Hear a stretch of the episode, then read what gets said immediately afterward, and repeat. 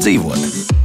Esiet sveicināti ar jums kopā. Šajā rītā būs Kristiāna Lapiņa, es esmu studijā, un jūs dzirdat manu balsi savukārt pie skaņu pults. Eh, rūpēsies par to, lai visi visu dzird, un eh, šīs cilvēks būs Rita Karnača. Nu, lūk, savukārt raidījuma producenta ir Loreta Bērziņa. E, ir tā, ka pasaulē, nu tad man ir 2019. gada dati jāpiesauc par vīrusiem runājot, izrādās ir 4686 sugas.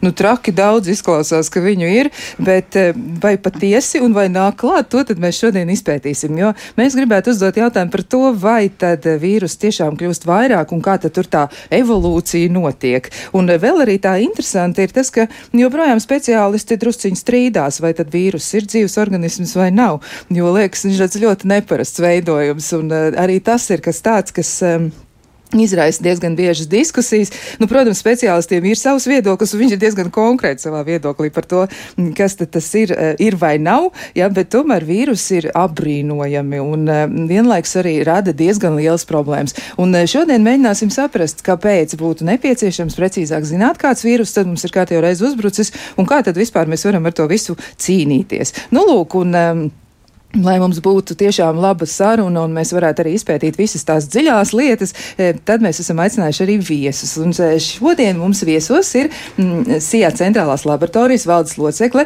Rīgas Tradiņu universitātes infektoloģijas katedras asociētā profesora Jeļena Storuženko. Sveicināt! Labdien! Un vēl esam aicinājuši arī pie mums paciemoties Rīgas Tradiņu universitātes infektoloģijas katedras profesora infektoloģija Angeliku Krūmiņu. Sveicināt! Labdien! Man tiešām liels prieks jūs sastapt šajā rītā. Tas ir tik ļoti jauki, ka jūs esat klāt klāt un atradāt laiku, lai izstāstītu vēlreiz to vīrusu stāstu, jo laikam jau mēs no viņiem nekur nevaram aizmukt, lai kā gribētos.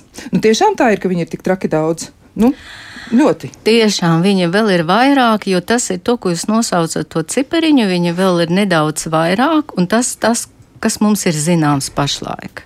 Jo mēs ļoti labi e, apzināmies, ir tīpaši ņemot vērā to situāciju ar to pandēmiju, kā parādās jaunie vīrusi un top vēl jaunie vīrusi, daļa no tiem, paldies Dievam, lielākā daļa nav patogēni cilvēkiem, tad, tad viņi nevar izraisīt kaut kādas saslimšanas, bet viena daļa ir patogēna, un līdz ar to tas skaitlis pieaug, mums ir jābūt ļoti uzmanīgiem. Kāpēc tas notiek? Uh, vīrusi ir tāda daba, viņam ir pietiekoši uh, vienkārša struktūra, viņam ir genoms Ja? Tātad RNS vai DNS genoms un ir uh, apvalks, ir uh, atbilstoši uh, dažādi uh, lipīdu apvalki, uh, apkārt ir dažādi proteīni un pateicoties varbūt tādai primitīvai struktūrai, vīrusi var ārkārtīgi labi pielāgoties apkārtējai videi bet viņiem galvenais uzdevums ir izdzīvot.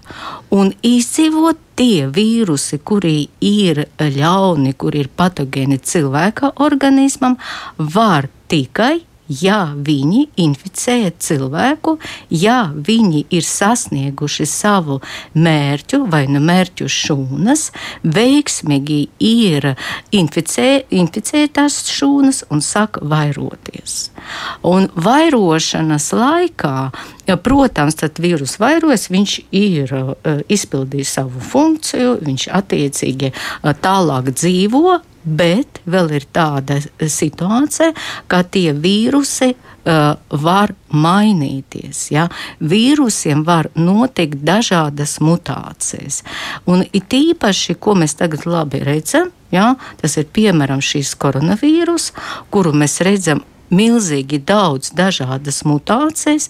Zinātnieki atklāja, tur ir tūkstošiem, vairākiem tūkstošiem un vēl, vēl vairāk, bet tie, kuri ir nozīmīgi cilvēkiem, jā, tad, tad viņi vainagojas ar jauniem koronavīrusiem, kā mēs redzam, ka ir delta, tad, tad alfa, delta, omikron, un tad mēs tālāk gaidām, kas būs tālāk. Un tas ir pateicoties tam, ka vīrusi var pielāgoties mainīties, mainīt savu struktūru, antigēnu un attiecīgi rādīt jaunu vīrusu. Uh, ļoti, ļoti uh, izteikti šī situācija vai tās tādas mutācijas ir gripas vīrusiem. Līdz ar to visu laiku notiek tāds gripas monitorings, jo vīrusam ir specifiskie proteīni, jā, kuri uh, dažādi viņi saucās uh, shift un drift, jā, viņi var mainīt savu struktūru, būt tās mutācijas un rādīt tos jaunus vīrusus. Un līdz ar to vat, īpaši tās divas grupas, jā, par gripu tas jau sen bija zināms, ka pateicoties tādam mutācijas, viņas īstenībā var rādīt pilnīgi jaunus vīrusus, pret kuriem populācija nebūs imunitātes, un tā tad uh, var uh, rasties tādas pandēmijas, un par koronavīrusiem. Laika pa laikam mēs arī to dzirdējam, tie ir mērs un sārs, un tagad mēs redzam tas Covid-19, jā, zinātnieki sen par to brīdināja, līdz ar to mēs redzam, ka vīrus pamainīja savu struktūru, ar koronavīrusu vēl ir tā, ka, protams, arī ar gripas vīrusu, tad, tad viņi var pārvarēt uh, starp sugu barjeru, tad, tad no dzīvniekiem inficēt cilvēku, un tad, tad attiecīgi tas pilnīgi jauns vīrus, protams, uh, populācija cilvēcei nav imunitātes, un līdz ar to var novērot šo milzīgo uh, inficēto cilvēku vai uh, infekcijas gadījumu skaitu, ka mēs uh, agrāk redzējām, tā bija gripas pandēmijas, un tagad, tagad mēs redzam to covid. Līdz ar to uh, vīrusiem galvenais uzdevums izdzīvot, un vīrus, protams, darīs visu, un vienu no mehānismiem pielāgoties un mainīt savu antigēnu struktūru līdz ar to, tad, tad, tā lai cilvēce jā, nebūtu pasargāta no e, inficēšanas, e, un līdz ar to mēs redzam šīs sēkas. Jā, nu tā tad diezgan laba sistēma, ja viņš ir populējies. Vīrusi ir brīnišķīgi iekārtojušies šajā pasaulē. Un kā jau profesora pareizi minēja, uh, tie ir tik seni kā pati senā mūsu cilvēces vēsture. Un uh, būtu nepareizi domāt vai aloties tajā, ka, hei, kaut kad būsim tīri brīvi no dažādiem vīrusu paveidiem, visi būs laimīgi, priecīgi, veseli, nebūs nekādu mutāciju, nebūs nekādu hibrīdu variantu un tam līdzīgi. Nu, lūk, vēstures liecības jau ir parādījušas, ka ārkārtīgi šī lielā pielāgošanās māka, jeb spēja, ja cilvēkam tādas būtu, tad būtu būtu pavisam cits un mazas, mazas mums problēmas. Mums būtu daudz ko mācīties no vīrusiem. Nu, tādā vienkāršā tekstā. jā, jā, tiešām ir ārkārtīgi veikli. Bet eh, ar ko tas vēl varētu būt saistīts? Jo mēs zinām, nu, baktēriju stāstu. Ja? Nu, tad, kad tika izgudrots pirmās antibiotikas, nu, likās, ka pasauli tagad var uzelpot, ja, un visi sasit plaukstas un jutās ļoti laimīgi. Nu, tur gan ir visādi citi pavērsieni, ja, jo neba jau nu uzreiz sāka lietot, ja bija diezgan ilgs laiks eh, vajadzīgs, lai tomēr sāktu to izmantot plašāk. Bet redz, kur parādījās jauna problēma. Ja, nu, tad baktērijas kļuva rezistents, jo cilvēki ļoti nekritiski izmantoja antibiotikas, un beigu beigās mēs esam nonākuši pie nu, tādas problēmas, ka nu, īsti nestrādāja tas. tas uh, iepriekš izmantotais labais līdzeklis. Kā ir ar vīrusiem, jo vīrusu uz antibiotikām neko lāga nereaģē, viņiem ir citi preparāti, ja tā tie, tie antivīrusa preparāti. Nu, pretvīrusu preparāti latviski, ja mēs sakam. Jā, jā, jā. jā nu, lūk, un kā tad ir ar vīrusiem, jo, ja viņi, nu, tur tik ļoti mainīgi ir, nu, piemēram, tas pats gripas vīrus, tad kā ar šo problēmu cilvēks ir tik galā? Nu, principā, salīdzinot ar antibakteriāliem līdzekļiem, tie antivirālie preparāti nemaz nav tik daudz. Ja mēs runājam par gripu, jā, tie ir tikai daži medikamenti. Un īstenībā pasaulē attiecīgas laboratorijas, tie, kuri ir iekļauti tajā monitoringā, regulāri pārbauda to rezistenci pret tiem preparātiem. Jā. Tad, tad vai ir vai nav uh, šīs variants, šīs, piemēram, kādas tur uh, A vai B, H1, N1, vai tie ir daudz tie varianti, vai viņi ir jūtīgi pret attiecīgiem preparātiem. Jā, tie, kuri ir netik daudz, jā, pēc pēdējiem datiem nav novērotas tādas būtiskas rezistences pret tiem antivirāliem preparātiem, attiecīgi, ja mēs runājam par gripu. Jā, bet mēs zinām, ka tie respiratori vīrusi ir ļoti daudz. Mēs zinām, ka arī pret covidu nemaz nav tik daudz tie medikamenti. Līdz ar to šeit ir nedaudz citi visi tie mehānismi. Jā. jā, ir antibakteriāli līdzekļi, ir ļoti daudz, un tiešām baktērijas tāpat tās pielāgojas pie pie šiem medikamentiem, veidojot rezistences mehānismu, tas ir arī gēnu līmeni.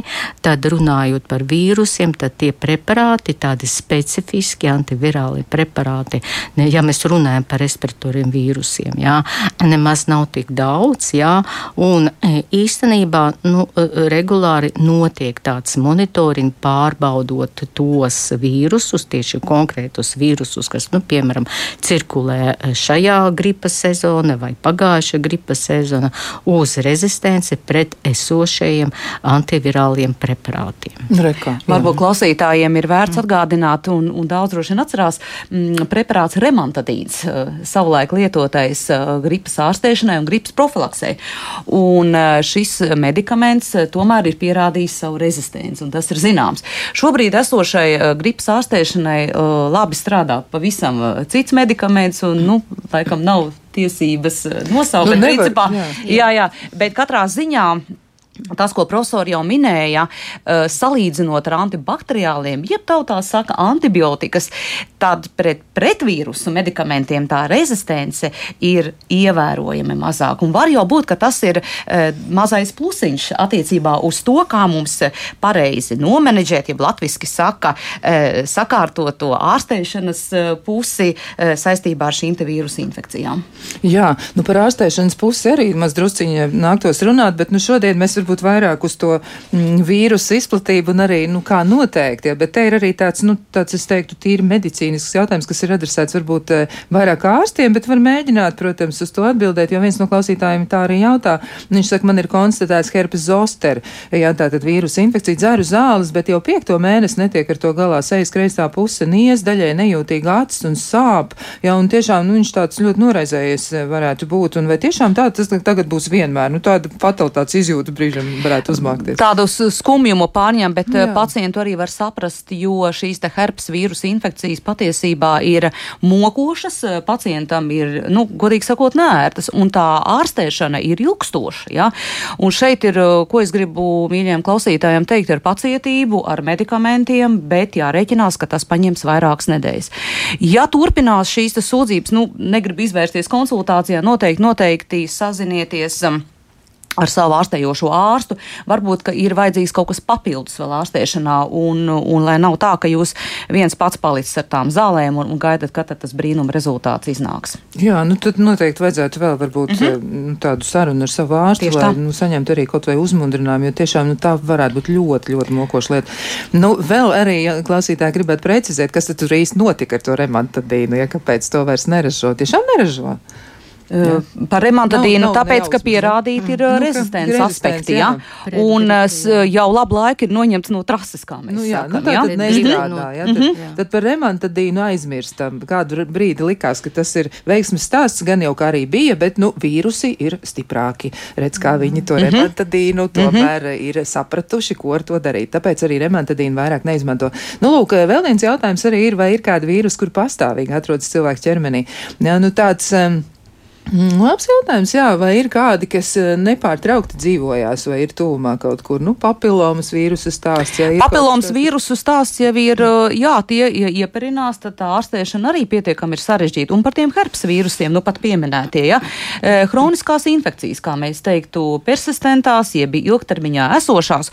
Un tad jau ir atkarīgs no tā, kā tad ir salikušies, nu, es negribu teikt laikapstākļi, bet kopumā šie imūnās sistēmas noteicošie faktori faktori, plus pārējie visi nosacījumi, kādos cilvēks dzīvo, kāda ir viņa dzīves kvalitāte. Un tad atkarībā no tā, no visas tās buķets, vai nu tie vīrusi ir tā teikt, nāk laukā un rāda savas sejas, un, un, un, un tā teikt, ir šīs izpausmes, vai arī uh, cilvēki var diezgan miermīlīgi sadzīvot ar šiem te uh, persistentajiem vīrusiem, kas ir uh, ķermenī. Jā. Es varu papildināt par cilvēka papilomu vīrusu. Protams, šie vīrusi ir ārkārtīgi daudz dažādu variantu, un sievietes ļoti labi zina, kā mūsu valstī notiek tāds skrīnings, jā, attiecīgi uz cilvēku papilomu vīrusu pārbaude, kas attiecīgi ir saistīts ar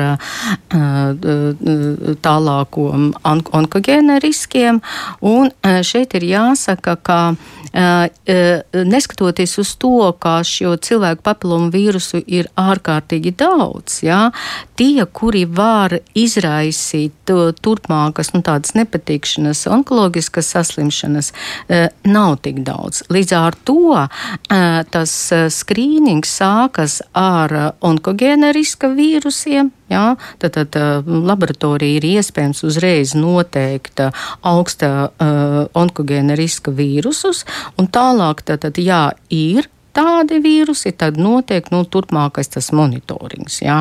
Tad, tad es, protams, to nestāstīšu visu to skrīningu programmu, un turpmāk tie izmeklējumi, bet tas nozīmē, ka jā, tiešām, un tad, tad ir, var noteikt arī uh, citi varianti šīs cilvēku papiloma vīrusu, jā, bet attiecīgi viņ, viņam nav pierādīta uh, tas onkogēnais risks, jā, līdz ar to, nu, pie, piemēram, nu, tālāk at, atbilstoši tai skrīninga programmai, sievietes saņemtu uzaicinājumu pēc pieciem gadiem, un tālāk skatās, vai ir tie tādi, nu, tie ļaunie. Līdz ar to, protams, mēs vienmēr koncentrējamies, mēs jau paša sākuma runājam, ka tie ir ārkārtīgi daudz tie dažādi vīrusi, bet mēs tomēr koncentrējamies uz tiem, kuri ir patogēni cilvēkiem. Ja? Tad, tad tos vajadzētu atšifrēt un attiecīgi tam pievērst uzmanību, un, ja ir nepieciešams, tad arī nozīmēt arī ārstēšanu. Jā. Un attiecībā par tiem cilvēku papillomas mm. vīrusiem vīrusiem. Mēs esam nu, tomēr priecīgi, ka arī valstī pie mums mm -hmm. ir mhm. apmaksātā šī vakcīna kas ir pieejami jau tātad jau no pusauģa vecumā. Un tas ir tas mērķis, lai uh, maksimāli varētu izvairīties iespējams no šiem te onkoloģiskajām saslimšanām no, no audzējiem. Un par cik valsts apmaksā gan, gan zēniem, gan arī meitenēm mm -hmm. ir mhm. iekļāvuši, ja, tad uh, noteikti aicinu izmantot šo iespēju, uh, domājot jau ilgtermiņā par šo te vīrusu klātbūtni. Jā, nu tā tad noteikti, noteikti ja atceramies to noteikti var izdarīt, un tas ir tiešām nu, tas tāds vienkāršākais risinājums, un pēc tam mēs nu, atbrīvojamies no ļoti daudzām nākotnes problēmām. Nu, vēl jautājums eh, klausītājiem ir tieši par imunitāti, ja, vai izturība pret vīrusu ir saistīta ar cilvēku imunitāti, jo ir cilvēki, kas nu, nekad tā acīm redzam neslimoja. Nu, viņi ir tādi diezgan stipri. Ar kādu imunitāti piedzimst, ar tādu jāsadzīvo, tā teikt. Ja? Jā. Un e, nevelti ir e, lausti šķēpi un diskusijas par to, ka, nu, ko nozīmē stiprināt imunitāti, ko, imunitāti, ko nozīmē spēcināt imunitāti. E, patiesībā tie ir tādi, nu, vārdu spēles dažādi. Protams, kā dīvaini skatīties, ja, piemēram, viens, viens no pacientiem saka, regulāri ir starp, starp vīrusainiem, starp infekcioziem, tur pacientiem, un darba vide tāda un tāda, un praktiski nekad neslimo. Un otrs savukārt regulāri maskā, tīrībā, dezlīdzekļos un, un slimo. Un slimo ir kāda vīrusu infekcija gan arī katru mēnesi. Protams, ka šī gadījumā ir jārunā par šiem imunitātes rādītājiem, bet cilvēku, cilvēkiem vienkāršajiem gribās eh, saprast, vai tad un kā kādiem pasākumiem, ar kādiem ceļiem varētu maksimāli nu, izvairīties, lai tie vīrusi nebrūk tik bieži virsū, un viņš var turpināt darba gaitas un tā tālāk. Un tā tālāk. Un te nu gan ir jāskatās kompleksi. Kā tad, kāds ir tas dienas ritms, kāda vispār uh, dzīves tā, tā, tā ritmu gaita, tā teikt, ja? E, kā viņš ēd, kā viņš guļ, ko viņš lieto, vai kādi ir tiešām nu, par tiem vitamīniem. Tagad daudz runā arī jūs raidījumos no rīta ir bijis, un vai, vai tur to, nu, kaut vai to pašu par to D vitamīnu. Ja? Ja, kas ir vajadzīgs imunitātei. Ja to visu ņem kompleksi kopumā un uh, cilvēks pats sevi uh, uzrauga, cik nu var maksimāli nepārpūloties, mazinot negatīvo stresu un tā tālāk, un tā tālāk, ir iespēja maksimāli izvairīties no šiem elpceļu infekciju ierosinātajām, tā saucamajām vīrusu infekcijām. Jā, nu drusciņā arī droši vien ir vērts padomāt par tādām elementārām lietām, jo man liekas, ka maskas un tā roku mazgāšana dikti palīdz. Tas palīdz, un to, to mums tomēr ir jau tagad kondē, pandēmijas stāsts par, par Covid laikiem. Ja? Daļai tas noteikti palīdz, bet ir arī spēki, kuros vēl pašam ir papildus jāieguldās.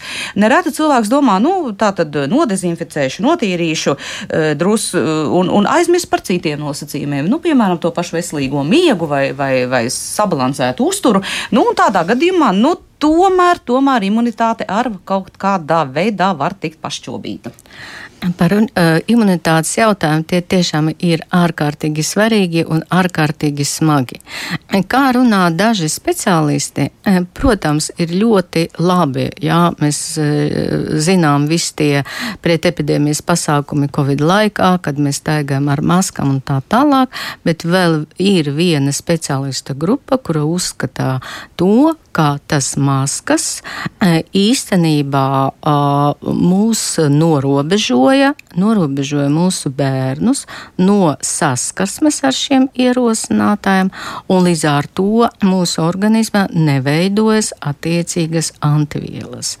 Zināmā mēra pēc pēdējiem publikācijām ar to ir izskaidrojums arī fakts, ka tagad, post-covid laikā, nu, ne post-covid laikā, teiksim, tā, tā kā mums mazinās tomēr uh, Covid inficētu cilvēku skaits, mēs redzam, ka pacēla galvu arī citi vīrusi. Ja? Un tie ir vienlaicīgi vairāki. Nu, viena no tiem ir gan gripas vīrus, gan respiratorijas incitālais vīrus. Un iespējams tas ir saistīts ar to, ka kādu laiku mēs bijām norobežoti pateicoties arī veiksmīgiem epidemioloģiskiem pasākumiem no saskarsmes ar šiem ierosinātiem. Un tagad tie uzbruka, tīpaši uzbruka bērniem. Mēs redzam arī tie smagie gadījumi un kādreiz vienlaicīgi slimo ar vairākiem vīrusiem. Līdz ar to mm, eh, imunitāte, eh, tad, kad cilvēkam ir laba imunitāte, tad saskaroties arī, arī bērniem, saskaroties ar attiecīgu ierosinātāju, eh, mēs te, piemēram, runājam par vīrusiem, viņiem veidojot specifiskas vielas, viņu sauc par antivielas, kuras pasargā no, eh, varbūt pārslimot viegli, pasargā no smagajiem inficēšanām, vai, nu, varbūt vakcinēties, var pa, parādās šīs antivielas. Un līdz ar to, nu, tā ir tā, kā eh, cilvēks ir pasargāts pateicoties saviem imunitātes mehānismiem, kuri arī ir ļoti daudz un dažādi. Un tad, kad nav šīs antivielas, ja, tad attiecīgi, protams, cilvēks slimo vairāk, ja, smagāk un var saslimt arī ar vairākām infekcijām infekcijām. Vēl viena tāda interesanta teorija, ka, protams, mēs zinām, ka ir cilvēki, kuriem ir uh, pavisam vāja imunitāte, teiksim, tā imunkompromitētie cilvēki.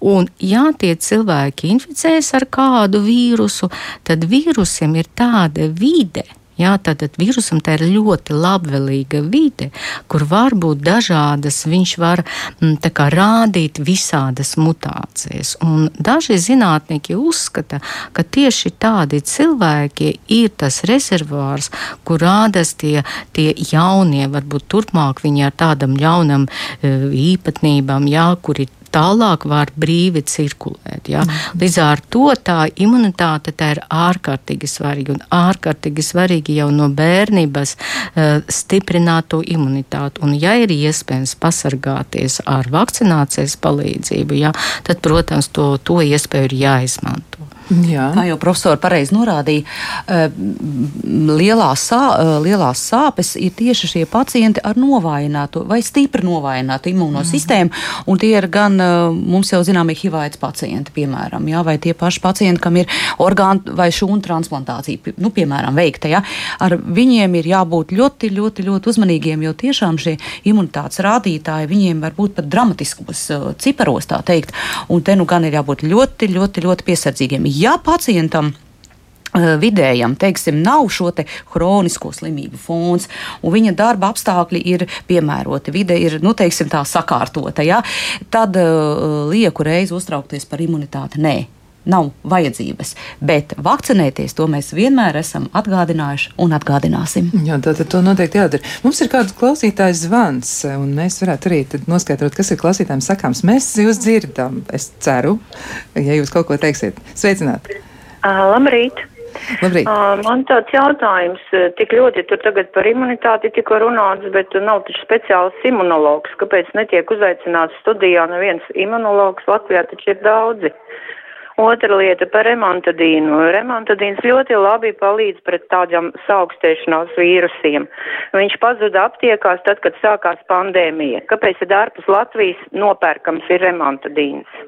Paldies. Paldies par jautājumu. Jā, nu tad mēs varam mēģināt arī saprast, kā tur ir. Nu, tad atbildēt vismaz uh, uz vienu pirmajā daļā, ja, un ja mums, ja mums būs uh, nu, pietrūks laika, tad noteikti arī to otru daļu atbildēsim pēc tam, kad uh, mm, nu, būsim atvilkuši elpu. Bet tad tā pirmā lieta, ja, nu, par imunologa klātbūtni. Nu, šķiet, ka par imunitāti jau infektologi arī diezgan daudz ko spēj pateikt. Jā, nu mēs jau kopumā skatāmies, bet mēs nekādā veidā nepretendējam uz, uz dziļumiem. Jā, noteikti, uz vērē eh, tādiem iedzirt, nu, ienirt eh, dziļumos par, par imunoloģiju. Un mans vienmēr ir bijis ieteikums un, un priekšlikums, ja ir vairāki jautājumi un tiešām pacienti jautā, ļoti, ļoti daudz izrunāt un aiciniet stadijā šeit uz studiju pie sevis imunologus noteikti. Ja? Jā, jā, nu mēs jau arī uz tiem vīrusiem šodien vairāk fokusējamies, jo imunoloģija jau noteikti būs par visu kaut ko citu. Tur tas stāsts ir liels, milzīgs, tas ir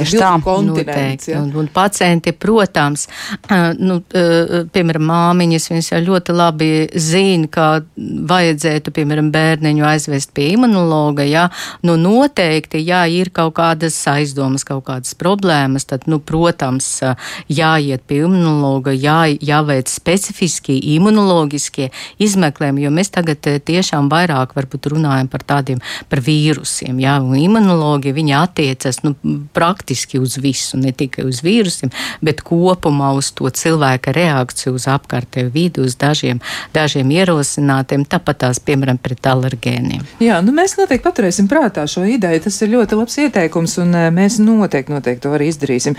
Un tad parunāsim par imunitāti tieši kā par tādu centrālo jautājumu. Bet tad uzreiz arī varbūt mēs varam atbildēt, nu, vēlreiz tomēr par to remantadīnu. Jā, nu, nu. Par ementadīnu tikai varu pateikt sekojuši. Tiešām tas jau tāds preparāts, kurš uh, bija uh, izgudrots jau pietiekoši sen, un tiešām viņi ir ļoti daudz tika pētīts. Un, un kā es jau runāju raidījuma sākumā, uh, pastāvīgi notiek tāds virslogiskas monitorings, kuras ietvaros pārbauda arī uh, medikamentu efektivitāte pret vīrusiem. Un, diemžēl, uh, pār pārbauda tieši to remontadīnu, jā, to ietekmē, kā tad viņš e, ietekmē uz tieši uz gripas vīrusiem, jā, vai viņš iznīcinā vai neiznīcinā, tad uh, absolūti viennozīmīgi zinātniski tika pierādīta to neefektivitāte pret dažādiem dažādiem praktiski pret visiem gripas vīrusiem. Līdz ar to tas stāsta par to remantadīnu. Nu, rekā, nu tad tomēr to remantadīnu liekam tālāk e, un arī tad konsultējamies ar ārstiem, mēģinam saprast, ko tad mums vajadzētu lietot, kas varētu darboties labāk. Jā, bet nu šis gan ir mirklis, kad mēs varam nedaudz atpūsties, klausītāji arī dara to pašu, un tad tiksimies pēc brīža, lai turpinātu sarunu. Kā labāk dzīvot? Turpinām sarunu par vīrusiem, vīrusu dzīvi un mūsu dzīvi ar vīrusiem, un arī par to, kā tad eh, tikt galā, ja vīruss ir uzbrucis. Un um, noteikti ir arī dažādi paņēmieni, ko mēs varam izmantot, sākot ar vakcinēšanos un beidzot ar citādām visādām lietām. Bet, nu, par tiem vīrusiem turpinot sarunu, um, nu, ir tāds jautājums arī, vai vīrusus var izmantot cilvēku labā, vai ir kaut kādas tādas tehnoloģijas, par kurām mēs varētu runāt, kura vīrus pret vīrusu varētu strādāt. Šis ir klausītāja jautājums, un varbūt tas izklausās tā mazliet absurdi, bet uz to varētu uzreiz arī atbildēt. Iespējams, nu, ka tas īsti tā pagaidām vēl nu, nav realitāte. Tas drīzāk izklausās pēc zinātniskās fantastikas. Jā, Pētījumi jau ir gan. Jā, tā jā. kā ir eksperimentālās jā. laboratorijas, kas ar to strādā kā mm -hmm. viens vīrusa veids pret citu, veiksim, darbojās. Jā.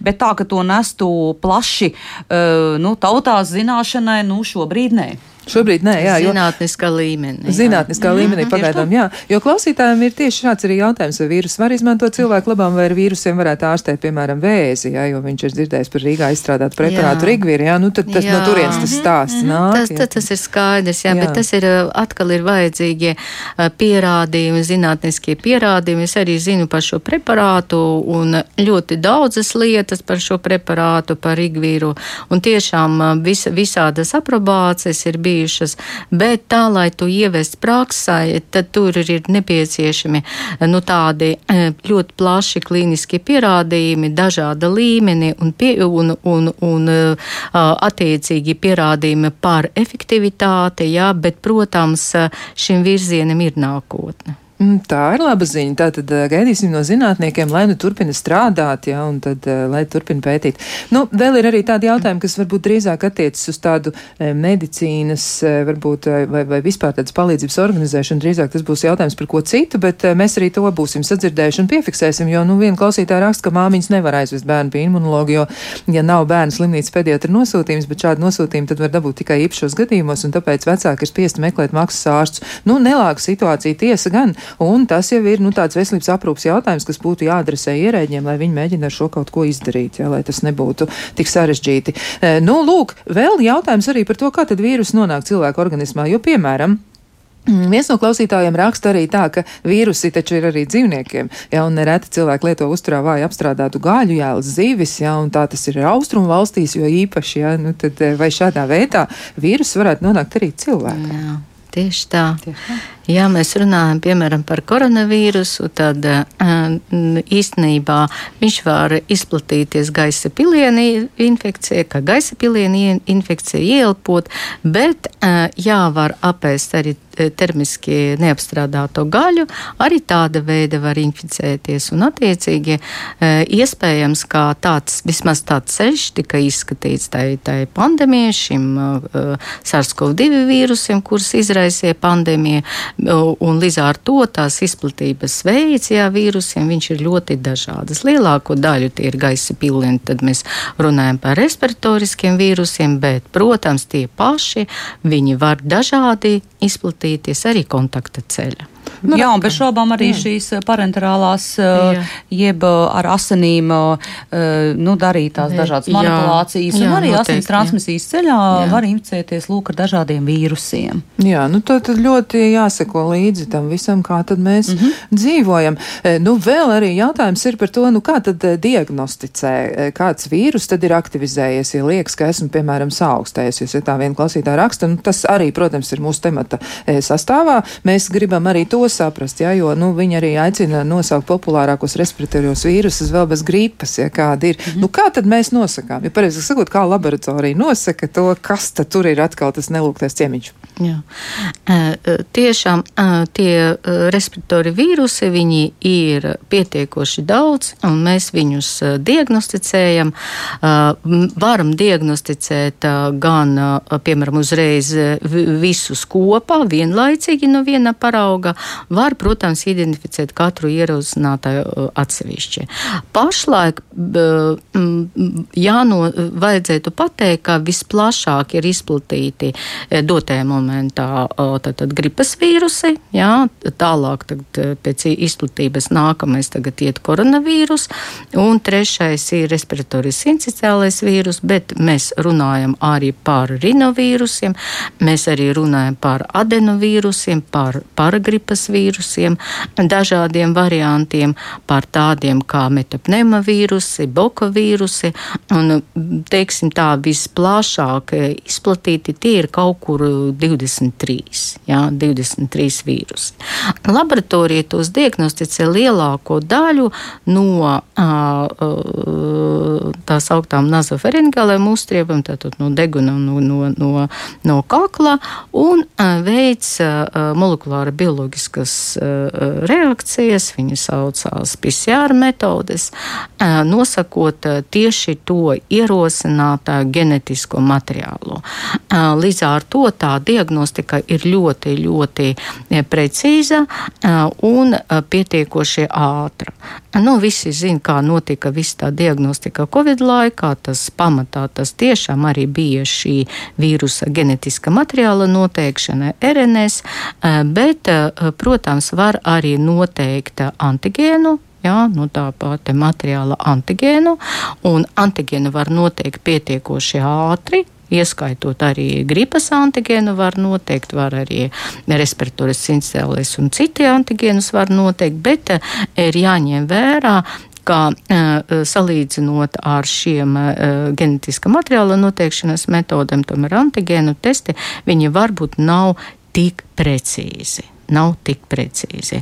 Bet, eh, protams, eh, eh, jāņem vērā to, tad, kad tādas, teiksim, starpsezonu laikā lielāko daļu var izmantot, kamēr nevar zināt, kas tad cirkulē, var izmantot tādus plašus spektrus, viņus sauc vēl multipleksas reakcijas, kad vienlaicīgi var noteikt dažādus ierosinātais, bet tad, kad jau ir zināma, ka tagad, nu, piemēram, tagad ir epidēmija, epidēmijai, jā, gripas epidēmija, mums ir covid, jā, tad mēs varam izmeklēt no atsevišķi uz to katru ierosinātāju atsevišķi. Nu, tā tad eh, var ļoti precīzi to noteikt. Jā. Nu, vēl ir kāds klausītājs zvans. Eh, sveicināti, mēs klausāmies, lūdzu.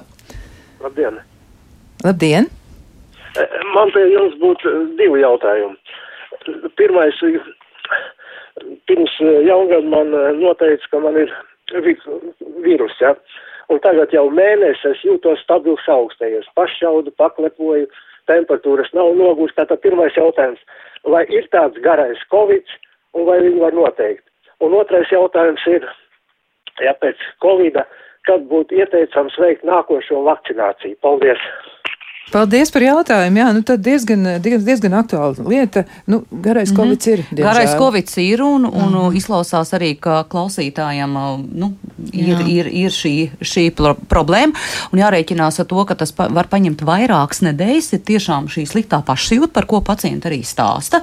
Uh, varbūt ilgstoši nespēks un, un īsti nevar saņemt spēkus. Un nav īsti tādas uh, fiziskās uh, sagatavotības tā, kā būtu gribējies. Nav apetīts ļoti bieži bieži sūdzās par to miega traucējumu, varētu būt galvas sāpes. Un katrā ziņā Par šo stāvokli ir jāinformē arī savs ārstējušais ārsts, un visbiežāk pacienti arī griežās pie ģimenes ārsta, lai paskatītos vēl iespējams vairākus mērījumus veiktu un paskatītos vispārējo veselības stāvokli kopumā, un tad arī kopīgi izlemt par, par nākamo vakcinēšanos, kādā laikā tā būtu vēlama.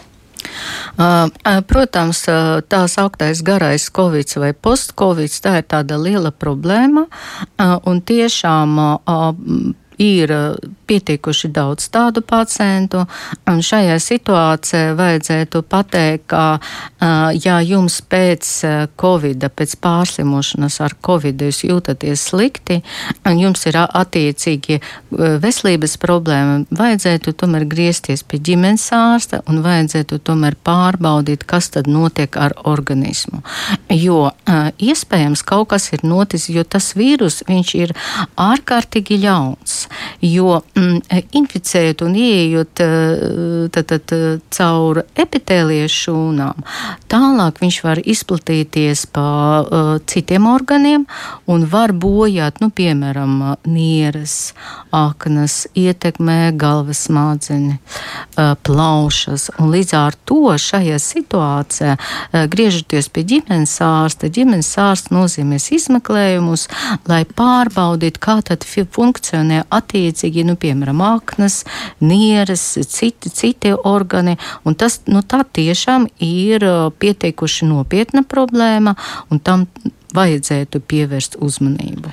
Kā jau mēs eh, norādījām, šādu pacientu skaits paliek, nu, diemžēl, ar vien vairāk eh, ar to saucamo garo, jeb pēc covid. Saucamo.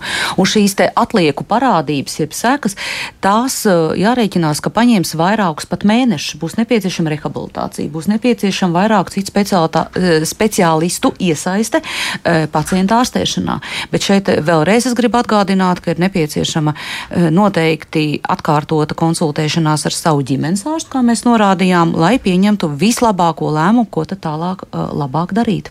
Jā, nu tā tad arī tās. Mm, vēl ir kāds klausītājs zvans, mēs klausāmies, lūdzu, sveicināti.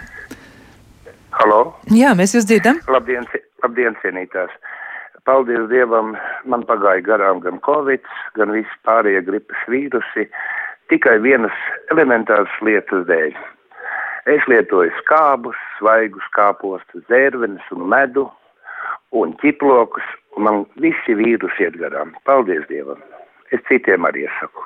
Paldies par jūsu padomu. Jā, nu patiesi tie skābie kāposti un dzērvenes. Un, un, nu, tas viss, kas Starp ir. Citu no vecajiem jā. laikiem es esmu dzirdējuši, un, dzirdējusi, un vairāki pacienti atzīmējuši, es, es nezinu, kam ļoti garšo skābie kāposti uz priekšu un, un, un, un dzērvenes. E, tur ir zināmā, zināmā mērā tas C vitamīna avots, vai jā. ne? Un ja mēs to tā kā pavēlkam uz pusi, uz to pusīt, kā, kā sasaistīt, tā kā, nu, pret vīrusu, tās, nu, tie ieroči, kurus mēs liekam cīņā pret vīrusu infekcijām, tad tomēr tam, tiem vitamīniem ir savu lomu. Un, Protams. un paldies Dievam, ka kungam tā viss ir, ir, ir labi gājis secen šīs vīrusu infekcijas. Paldies Dievam! Protams, protams. Nu, tur jau arī varētu būt saistība, zināmā mērā, arī nu, tad, tad atkal cita lieta, tad jāaicina būt gastroenterologs, bet viņi jau saka, nu, ka ēdiet šīs lietas, ja tad jau zarnas jau ir tāda fabrika, kas to imunitāti nu, palīdz. Jā, ir vairāk redījumi par to arī jums bijuši, un, un uz zarnu trakt nedrīkst. Nedrīkst aizmirst, jā, tur, tur mums daudz labas lietas notiek. Nu, lūk, bet klausītājiem ir jautājums arī par uh, vakcināciju. Un viena no klausītājiem raksta, ka viņi ir vakcinējusies četras reizes pret covid, un nu jau pagājis ir pusgads, un viņas jautājums ir tāds, vai jāturpina vakcinēties, un arī piektā vakcīna ir vajadzīga. Ja, kā tad uh, nu, secināt, ko tad darīt, ja, kā, kā pieņemt lēmumu? Ir tiešām ļoti interesants jautājums, un īstenībā viennozīmīgi uz šo jautājumu atbildēt nevar.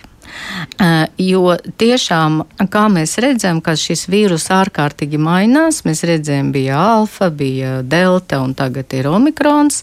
Vienīgais, ko var pateikt, kā pārbaudā arī šo pārslimoto cilvēku imunitāte, tad to antivielu līmenis, kuru arī īstenībā arī salīdzinā, tad, tad vai, nu, piemēram, omikrons, jā, vai šīs, vai tā imunitāte pēc pārslimošanas ar omikronu, vai nu arī vakcīna, kura ir domāta nu, teiksim, at, attiecīgiem e, vīrusam, vai viņa ir efektīva. Ja? E, pagaidām e, pētījumi rāda to, ka šīs vakcīnas ja, ir efektīvas pret uh, attiecīgiem variantiem, bet uh, jāņem vērā, ka uh, pētījumiem vienmēr ir uh, ierobežots raksturs, varētu būt ne visi gadījumi tur ir iekļauti, un līdz ar to zinātnieki pašlaik runā par tādu uh,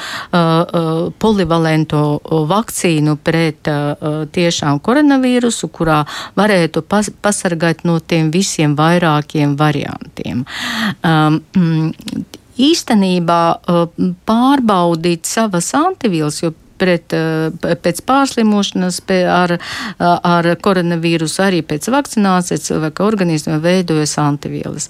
Spries pār to, vai šīs antivielas pasargās no turmākas saslimšanas ar koronavīrusu, arī ir pietiekoši grūti, jo mēs savā praksē arī redzējām situācijas, kad cilvēks ar pietiekoši augstiem eh, antivieliem tomēr saslima, iespējams ar citu variantu, un, un, un pašlaik tas ir tāds diskutabls jautājums, diskutabls jautājums, uh, un iespējams to vajadzētu individuāli apspriest varbūt ar savu ģimenes ārstu, varbūt vajadzētu um, padomāt, kādas ir varbūt hroniskas saslimšanas vai, vai vēl kaut kādas papildus saslimšanas, un tad attiecīgi individuāli arī uh, izlemt, vai vajag vēl piekto reizi jā, vakcinēties mm -hmm. pret šī. Te es gribu papildināt, un uh, profesori jau pieminēja, attiecībā par, par šīm stāstiem, kur jau ir pacienti saka, četras reizes ir saņēmuši šo covid vakcīnu.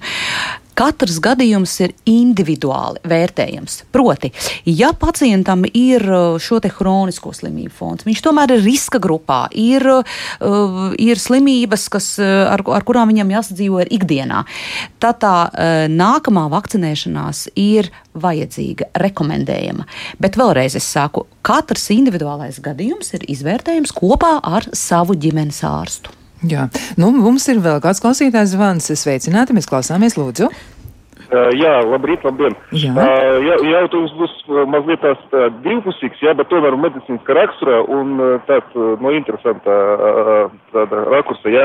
Uh, es dzirdēju, ka, piemēram, tie paši cilvēki, kuri ne īpaši rūpējas par to sanitāriju, nu, bezpajumtnieki vai cilvēki, kuri tā mazliet atcēli, jā, ka viņi retek slimu, un, bet bērni, tieši otrādi, ja bērns piedzims, pie, piemēram, un viņam pārāk sanitāri, sanitāri apstākļi, jā, tad viņam tas kaita tur, turpmāk. Kā ar to tēmu jābūs no divām pusēm, tad paskatīsimies. Jā. Paldies, jā, paldies jums par jautājumu, bet mēs, man liekas, jau tur mazliet pieskārāmies. Abas profesors par to drusciņi minēja, ja, ka nu, tā pilnīgā norobežošanās dažos gadījumos nu, īsti pat laba nav. Pat laba nav, jā, pavisam, pavisam eh, nekontaktēšanās, jo antivielām ir jāveidojas un kaut kādā zināmā mērā mazai vīrusa devai ir jābūt, lai veidotos eh, tās antivielas. Bet kas attiecās par, eh, par cilvēkiem, kas ir, nu, laikam tika minēts par Nu, tie, cilvēkiem, kuriem ir, nav pastāvīgas nav dzīves pastāvīgās vietas, dzīves grūta, vietas, grūta un situācija. e, tas gan ir tāds strīdus, e, strīdus jautājums, proti neba tāpēc, ka viņiem ir tādi apstākļi un viņi neslimo, varbūt viņi nemaz nav testēti, varbūt viņi nav, nav bijuši uzmanības lokā arī.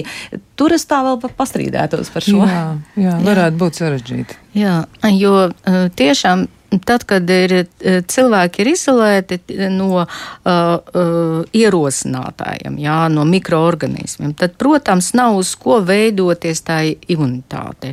Un kā tipiskais piemērs, kāpēc mums ir tā pandēmija, jo nekad nav bijis šis vīrus, nekad nav bijis. Un nekad cilvēki, neviens, jā, mūsu populācija nesaskaras ar tādu vīrusu, un tāpēc nevienam nav, un tāpēc saslim ļoti daudz. Un tas ir tāda analogija. Jā, nu skaidrs. Nu ko, nu pamazām mūsu saruna ir tuvojusies jau aizvien vairāk eh, finālam un noslēgumam, un nu jau mēs nu pat esam tajā brīdī, kad mums būtu tāds kopsavilkums jāizveido. Nu, vēl tāds jautājums arī, vai Latvijā ir kāda eksperimentāla vīrusu pētniecības laboratorija, un ja ir, vai publiski var iepazīties ar pētījumiem. Nu, te es varētu palepoties. Es tiešām zinu, ka Latvijā ir vesels mikrobioloģijas institūts, un man ir tā laime nākt no ģimenes, kur arī kāds no cilvēkiem ir virusoloģijas laboratorijā strādājis un ticis arī kopā ar kolēģiem pie labiem rezultātiem. Un, ir izdevies radīt arī kādu produktu, kas ir pasaulē palīdzējis. Neteikšu, kas, teikt nevaru, Bet tiešām ir, ir ļoti, ļoti, nu, es domāju, Latvijā arī labi rezultāti, un virusologi un, un, un mikrobiologi strādā, un infektologi strādā un publicē lietas. Mums ir Rīgas Stradiņu universitātes Jā, mikrobioloģijas un virusoloģijas institūts ārkārtīgi augstā līmenī ar brīnišķīgām starptautiskām publikācijām, ar pētījumiem jau daudzu gadu garumā, ja, ar milzu pieredzi starptautiski atpazīt, un joprojām strādā un brīnišķīgi darbojās gan man zināmi eksperti eksperti un, un, un kolēģi un visu cieņu šim institūtam. Jā, nu tā tad eh, ir, ir mums speciālisti, ir zinātnieki un eh, procesi notiek un joprojām, nu, pasauli mēģina atbildēt uz jautājumu, ko tad darīt ar vīrusiem, ja kā ar viņiem tik galā. Liels paldies abām studijas viešņām un atgādināšu, ka tās bija SIA centrālā laboratorija valdes locekle Rīgas Stradiņa Universitātes infektuoloģijas katedras asociētā profesora Jeļena Staruženko un arī Rīgas Stradiņa Universitātes infektuoloģijas katedras profesora infektuoloģa Angelika Krūmiņa. E, savukārt, e, lūdzu, klausītāji, nu, ja jūs esat saslimuši, ja tā ir gadījies, mēģiniet noskaidrot, kas tas ir par vīrusu, viņa adresi, vārdu, uzvārdu jums pateiks laboratorija laboratorija, un tad jau tālāk konsultēties ar ģimenes ārstu, jūs arī izlemsiet, ko tad darīt tālāk. Lai jums visiem veselība un lai jums jauka diena. Tiekamies citā reizē. Atā!